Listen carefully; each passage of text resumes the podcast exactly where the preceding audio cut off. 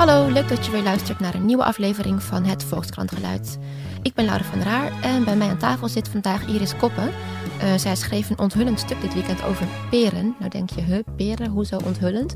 Nou, zij legde eigenlijk samen met uh, Rusland-correspondent Tom Venning een gigantisch smokkelnetwerk bloot tussen Nederland, België en Rusland en Litouwen en Wit-Rusland. Nou, daar gaan we het zo meteen over hebben. Het is een gigantisch verhaal, maar voordat we erover gaan praten, gaan we luisteren naar het geluid dat zij heeft meegenomen.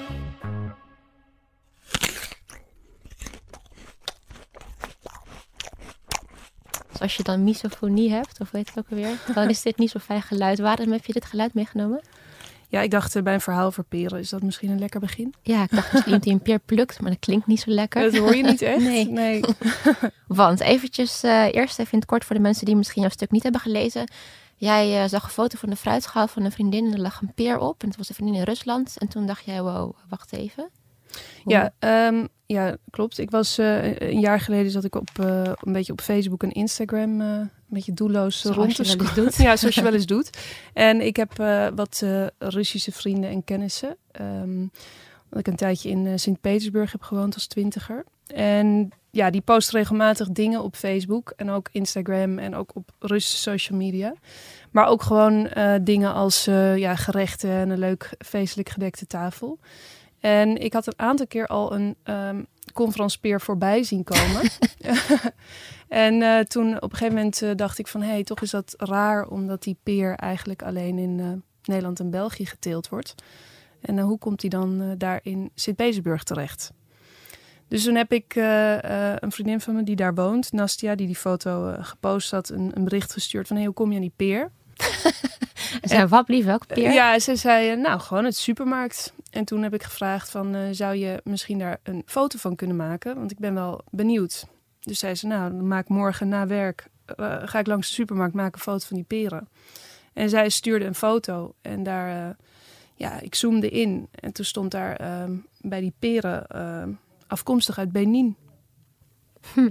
En toen dacht ik, wat raar. het is een, ja, het is, volgens mij is dit gewoon een Nederlandse, Belgische peer. Hoe, waarom staat er een bordje met Benin bij? En, um, Hoe wist ja. je trouwens dat het een Nederlandse peer was? Want ik zou gewoon denken, oké, okay, een peer. Ja, ik, ik, ik moet zeggen, ik eet die peer gewoon graag. Ja, ja. je had al een soort band met die peer? Nou ja, ja, ik, ik, eet, ja, ik eet gewoon fruit. En je weet volgens mij wel waar... Ja, je koopt fruit. Je weet van die conferenspeer wist ik dat die, uh, dat die gewoon uit Nederland komt. Dat maar ik een, ben echt zo'n naïeve peren eten dat ik gewoon een peer eet en niet eens bij nadenk. nou ja, ik maar... weet ook dat, ja, of een banaan weet ik ook wel dat die niet per se hier vandaan mm -hmm. komt of zo. Zo wist ik toevallig dat die conferens hier uh, geteeld werd en eigenlijk niet, uh, niet echt in andere landen. Dus ja, en toen heb ik eigenlijk direct um, ja, Tom Venning benaderd. Dus Tom is... dat is de Rusland-correspondent? Ja, is de correspondent um, voor de Volkskrant in Rusland. En uh, ja, toen uh, had ik een beetje met hem hierover gesproken. En uh, hij zei meteen, laten we dit gaan uitzoeken.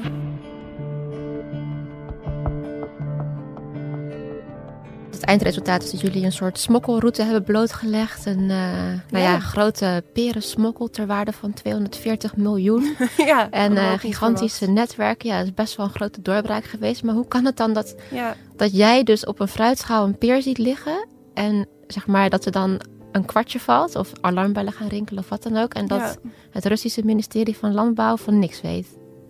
Nou, kijk, waarschijnlijk weten ze wel. Kijk, dat, daar zijn we ook achter gekomen. Het is een, uh, ja, een, een illegale, of het is een smokkel die door Rusland min of meer gedoogd wordt. En, uh, maar hoe het precies zit en uh, hoe het kan dat er zoveel sanctieproducten toch in Rusland terechtkomen, ja iedereen had wel een soort van vermoeden, maar niemand wist precies hoe het zat. En, um, ja, en wij dachten, we willen dat gewoon heel precies weten.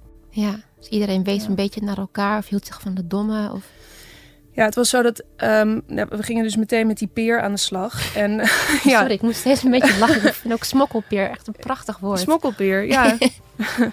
maar ja, ik, ja, niemand wilde erover praten. En iedereen uh, had zoiets van, uh, we weten het niet. En uh, ik, ja, dat moet je niet bij mij zijn. En uh, ja, veel mensen waren bang.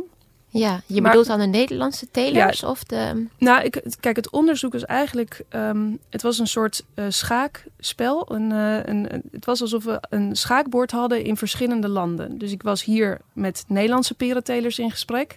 Ik was met Belgische perentelers in gesprek. Moskou, eh, in Moskou was Tom bezig met de handelaren. En in Litouwen hadden we nog allemaal contacten eh, in het fruitcircuit en in Wit-Rusland. Want we wisten op een gegeven En moment die dat zijn daar... allemaal met elkaar verbonden. Ja, het was allemaal met elkaar verbonden. En het was dus, ja, als je één zet op één schaakbord deed, dan had je weer informatie wat je vervolgens kon gebruiken bij het volgende schaakbord. En zo hebben we heel langzaam die route ontrafeld. En dat Ja. duurde dus ook heel erg lang eigenlijk. We zijn er een jaar mee bezig geweest. Ja, Maar goed, het was een verschil dat in Nederland eh, wilden de perentelers eh, ja, eigenlijk niets eh, zeggen. Of ze deden er heel vaag over. En het was ook, ehm, ja, het, ook uit, uit een soort schaamte dat er nog werd samengewerkt met de Russen. Ehm, en kan het ook niet zijn dat ze het echt niet wisten? Dat dus inderdaad de kennis zo klein mogelijk is gehouden. Dat iedereen gewoon zijn kleine onderdeeltje van de werk doet. En... Ja, het kan zijn dat ze. eh, Er zitten zeker perentelers bij die van niets eh, wisten en van niets weten. En dat die echt. eh, ja, die peren worden gewoon opgehaald door handelaren. En ze gaan naar Oost-Europa. En wat er verder gebeurt. Mhm. Ja, dat en ze doen in principe niet. ook niks verkeerd. Ze doen. Nee, ze doen in principe niks fout. Ehm, maar go- goed, je, je vraagt je natuurlijk af, dat was altijd moeilijk, van hoezo weet je dan niet waar ze uiteindelijk terechtkomen? Mhm. Ehm, en dat was heel lastig. En sommigen zeiden van ja, nee, ik weet het echt niet. En eh, Litouwen, Polen, wat er daarmee gebeurt, eh, dat, eh, hoe, hoe moet ik dat überhaupt weten? En anderen waren veel opener. Die zeiden van ja, nee, ze komen gewoon in Rusland. Maar ja, hoe? Ja, weet ik niet.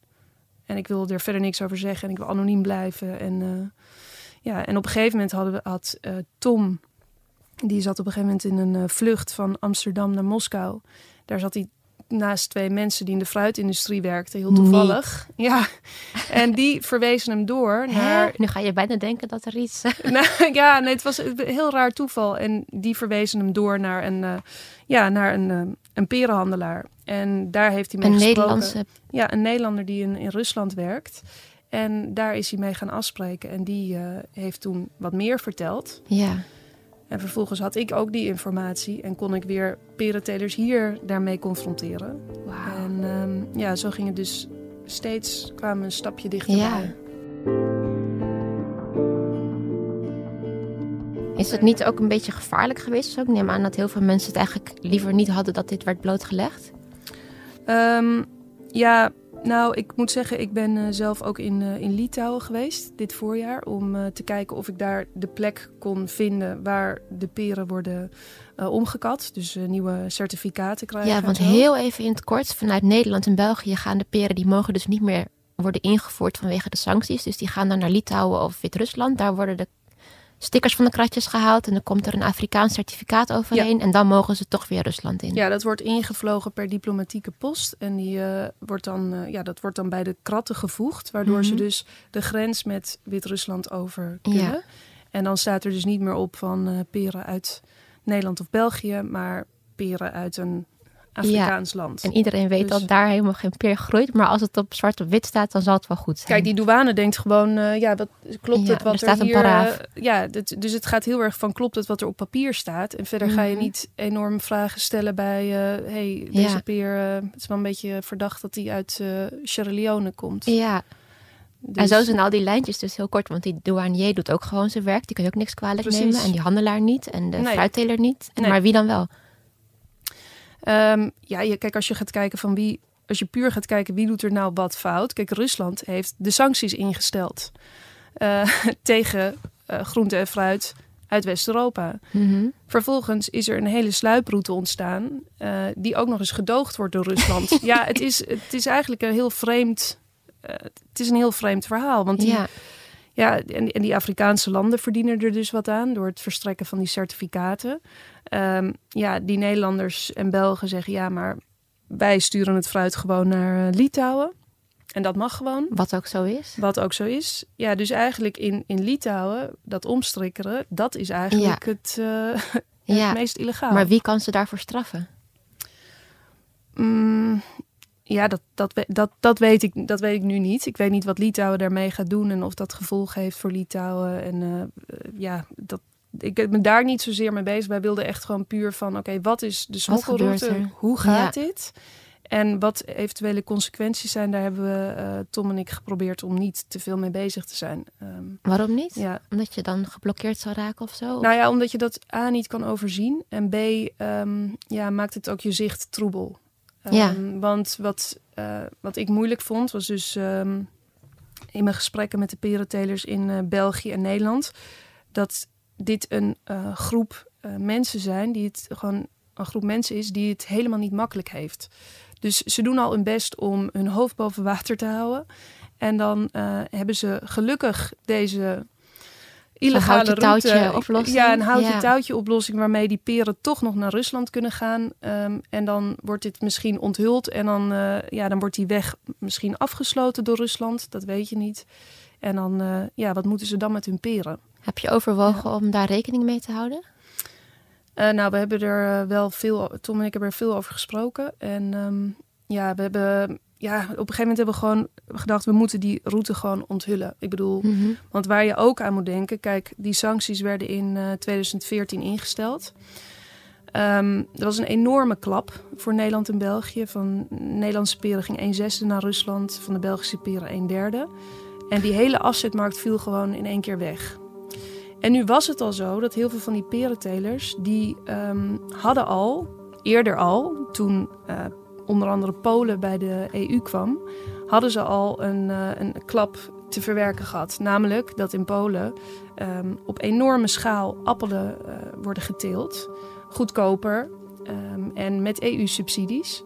Dus eh, in Nederland en België hadden ze al, waren ze daar al mee gestopt. Omdat ze dachten, ja, hier valt gewoon niet tegen op Met die appels. Ja, met de appels. Dus dat hadden ze eerst al eh, moeten overwinnen. Deze... Oh, dus de peer was eigenlijk al een eh, soort overwinning. Precies. ja, dus, dus ze peer. dachten, we moeten ons, eh, onder, nu deze landen, zoals, of dit land zoals Polen bij de EU is gekomen, moeten we ons onderscheiden. Want met die appelen gaan we het gewoon niet Oh, redden. wat zielig. En dan hadden ze eindelijk die peer. En ze hadden die peer, die dus extreem populair, eh, hij was altijd al populair in ja, wat eh, was dat? Wat is dat eigenlijk met die conferentie? Wa- waarom is die Ja, het is- specifiek die? Het is, ja, het is gewoon... Hij is een- lelijk. ja, ik vind hem wel mooi, eerlijk ja. gezegd. Maar nee, ja, ze, kijk, het is gewoon een peer die eh, dus een, de Conference perenboom heeft heel veel water nodig. Eh, niet de hete zomers, niet de koude winters. Ehm, ja, ten zuiden van België doet hij het eigenlijk al niet meer, de Conferenceboom. En in Polen is het veel te, te koud. Dus ja, het, ja het- het- hij groeit alleen hier en hij is gewoon, eh, ja, het is gewoon een, een topproduct. Dus het is niet maar waarom dat vinden de Russen het dan ook specifiek? ja, ik heb daar ook wel met Russische vrienden en kennissen over gehad. En eh, kijk, wat ik, wat ik vooral hoorde is... ehm, eh, ja, kijk, in de jaren negentig kwam die conferencepeer opeens... lag die opeens in de supermarkt. En ja, Nederlanders waren er gewoon heel snel bij met hun handel... Ja, toen de muur was gevallen. En ja, daar, daar lag je in die supermarkt. En uit het niks. uit het niks. En eh, ik heb één vriendin, die is ook eh, mijn leeftijd, begin 30. En die, die zei, ja, voor mij was het... Die conferencepeer was gewoon iets heel nieuws. Hmm. En kijk, ze hebben in Rusland ontzettend veel fruit hoor. Ik bedoel, heel veel eh, bessen, eh, weet je, frambozen, bosaardbeidjes en zo. Ze hebben de suikerpeer. Maar de conference kennen ze niet. Dus die lag daar opeens in de jaren negentig. En ze zijn daar gewoon aan gehecht geraakt. En ze vinden ook, ehm, ja, ze vinden hem gewoon mooi. Het is een grote peer. Hij is, Hm. eh, ja, ze- die verruwde schil, dat vinden zij niet, eh, niet erg. Ehm, maar hij is, ja, hij is gewoon heel erg ja, populair in, in Rusland en Oost-Europa. Ja. Dus en ik denk toen de sancties werden ingesteld en toen de EU ook kwam met, eh, ja, ehm, we gaan de telers helpen met het vinden van nieuwe afzetmarkten, dat ze zich daarop verkeken hebben. Want die conferentie die is gewoon, ja, in het Midden-Oosten vinden ze gewoon echt niet mooi. ja, daar vinden ze die roestplekken lelijk en daar vinden ze hem te groot. Kijk, het is best Oké. een grote peer. ja. Dus daar verkoopt hij gewoon niet. En ja, en eh, ze hebben ook Vietnam en Canada geprobeerd als afzetmarkt. Maar ja, dan dan zit je in Vietnam. Ja, wat voor fruit heb je daar allemaal wat niet? En wat Mhm. moeten ze dan met zo'n eh Zo'n roest, zo'n, eh, ja, uit Nederland. ja. Dus, dus dat was voor heel veel van die eh, telers in Nederland en België... die dus al eh, hè, van de appelen waren overgestapt op de peren. Ja. En toen kregen ze opeens ook nog te horen... oké, deze afzetmarkt valt weg. Ehm, ja, nou, we gaan ons best doen. De EU helpt jullie en eh, we gaan het Midden-Oosten proberen te veroveren met deze conferencepeer. Ja, dat werkte dus niet. Mhm. Dus je zag daar perentelers die, hè, van wie het eh, familiebedrijf gewoon al decennia lang bestond, die opeens dachten we gaan failliet.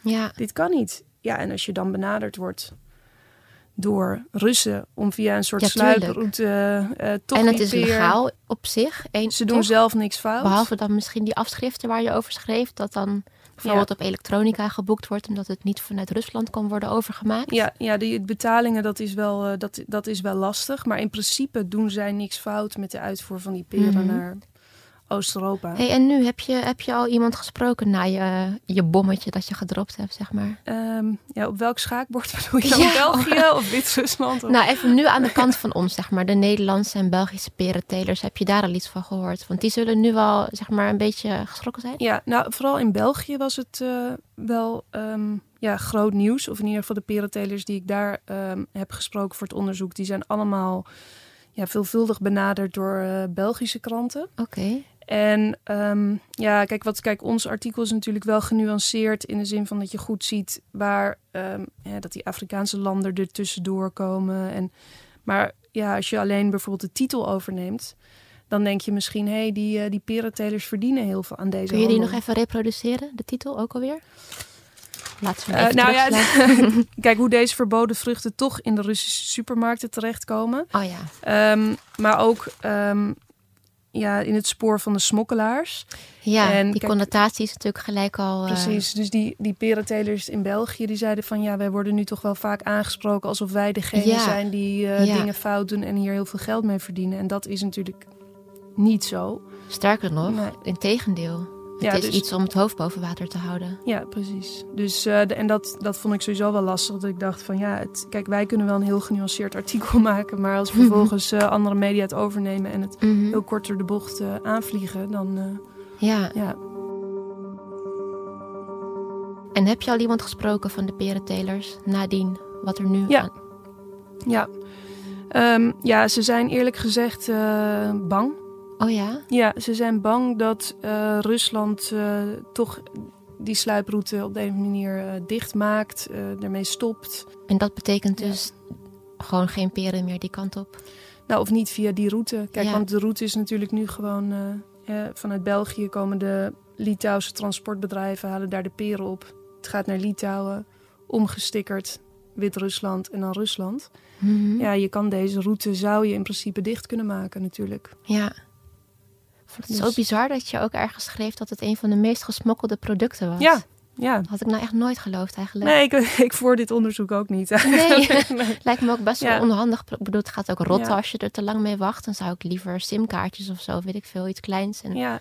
Nou, ja, het gaat natuurlijk, het wordt wel gekoeld in zo'n eh, vrachtwagen. En je kan hem redelijk lang bewaren, Oké. de conference. Ja? Dus, ja, ja. Jij weet ook alles van de conferentie. ja, ja. perendeskundige. ja. En Dus, aan de eh, andere kant, zeg maar, in het oosten. Want ik heb begrepen dat jouw stuk eigenlijk ook wel best wel is overgenomen door de Russische media. Daar ben je nu ook, eh, nou ja, groot nieuws. Ja, Tom, die, eh, dus, ehm, Tom Vennik, die wordt ook nu heel veel benaderd door ja, Russische media, maar ook Russische tv-programma's. Oh ja? van kom eens vertellen over het onderzoek.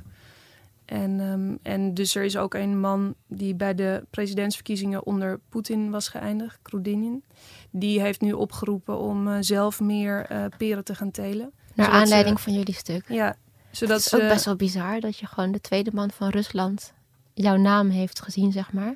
Ja, nou, hij heeft het- dus het onderzoek eh, gezien, maar ja, Ehm, ja, het- ja, hij, ja, hij heeft nu gewoon opgeroepen van we moeten zelf voorzienend worden. We moeten niet peren uit West-Europa hierheen halen. Eh, waarom kunnen we zelf geen peren telen? Ehm, ja. maar hij deed dus ook een beetje alsof dit voor hem eh, groot nieuws was. Terwijl Nee, hij het misschien vreemde al... was, nee, het vreemde was, hij heeft het ook helemaal toegegeven.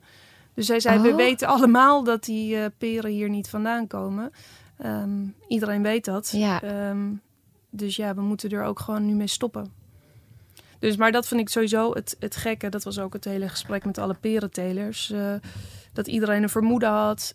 Iedereen wist het ongeveer, maar niet precies. En, de consument in principe ook wel. Want als hij een bordje Benin erbij ziet staan, ja, Ja, maar dat, is het, dat is ook wel vreemd. Niemand, ja, bedoel, jij wist ook bijvoorbeeld niet dat die conferentie uit Nederland kwam. Nee. Nee, dus ja, je let er misschien ook niet op.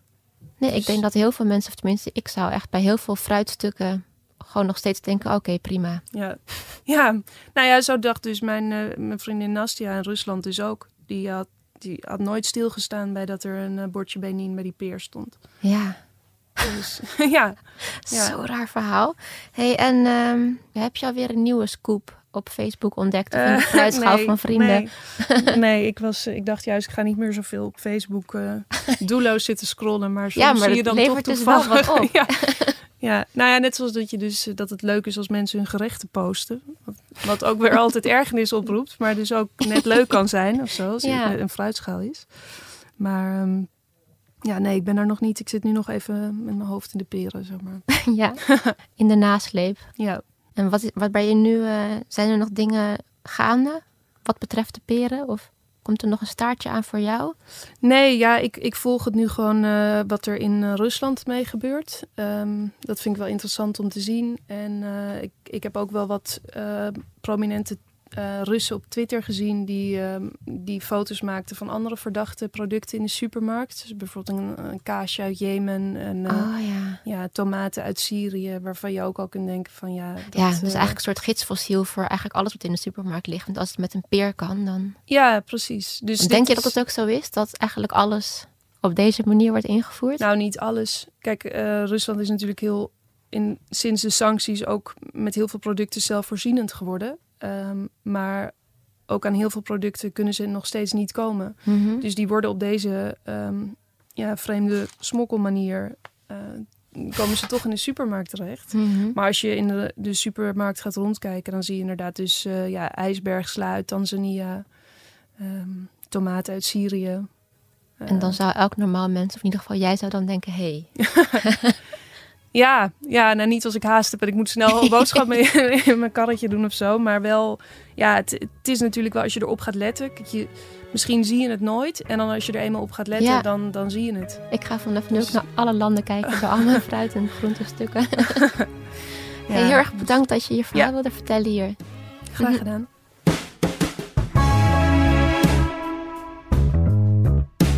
Dankjewel voor het luisteren naar deze Volkskrant geluid over Eh, je kunt je abonneren via Spotify of Soundcloud of iTunes. En dan zijn we de volgende week gewoon weer.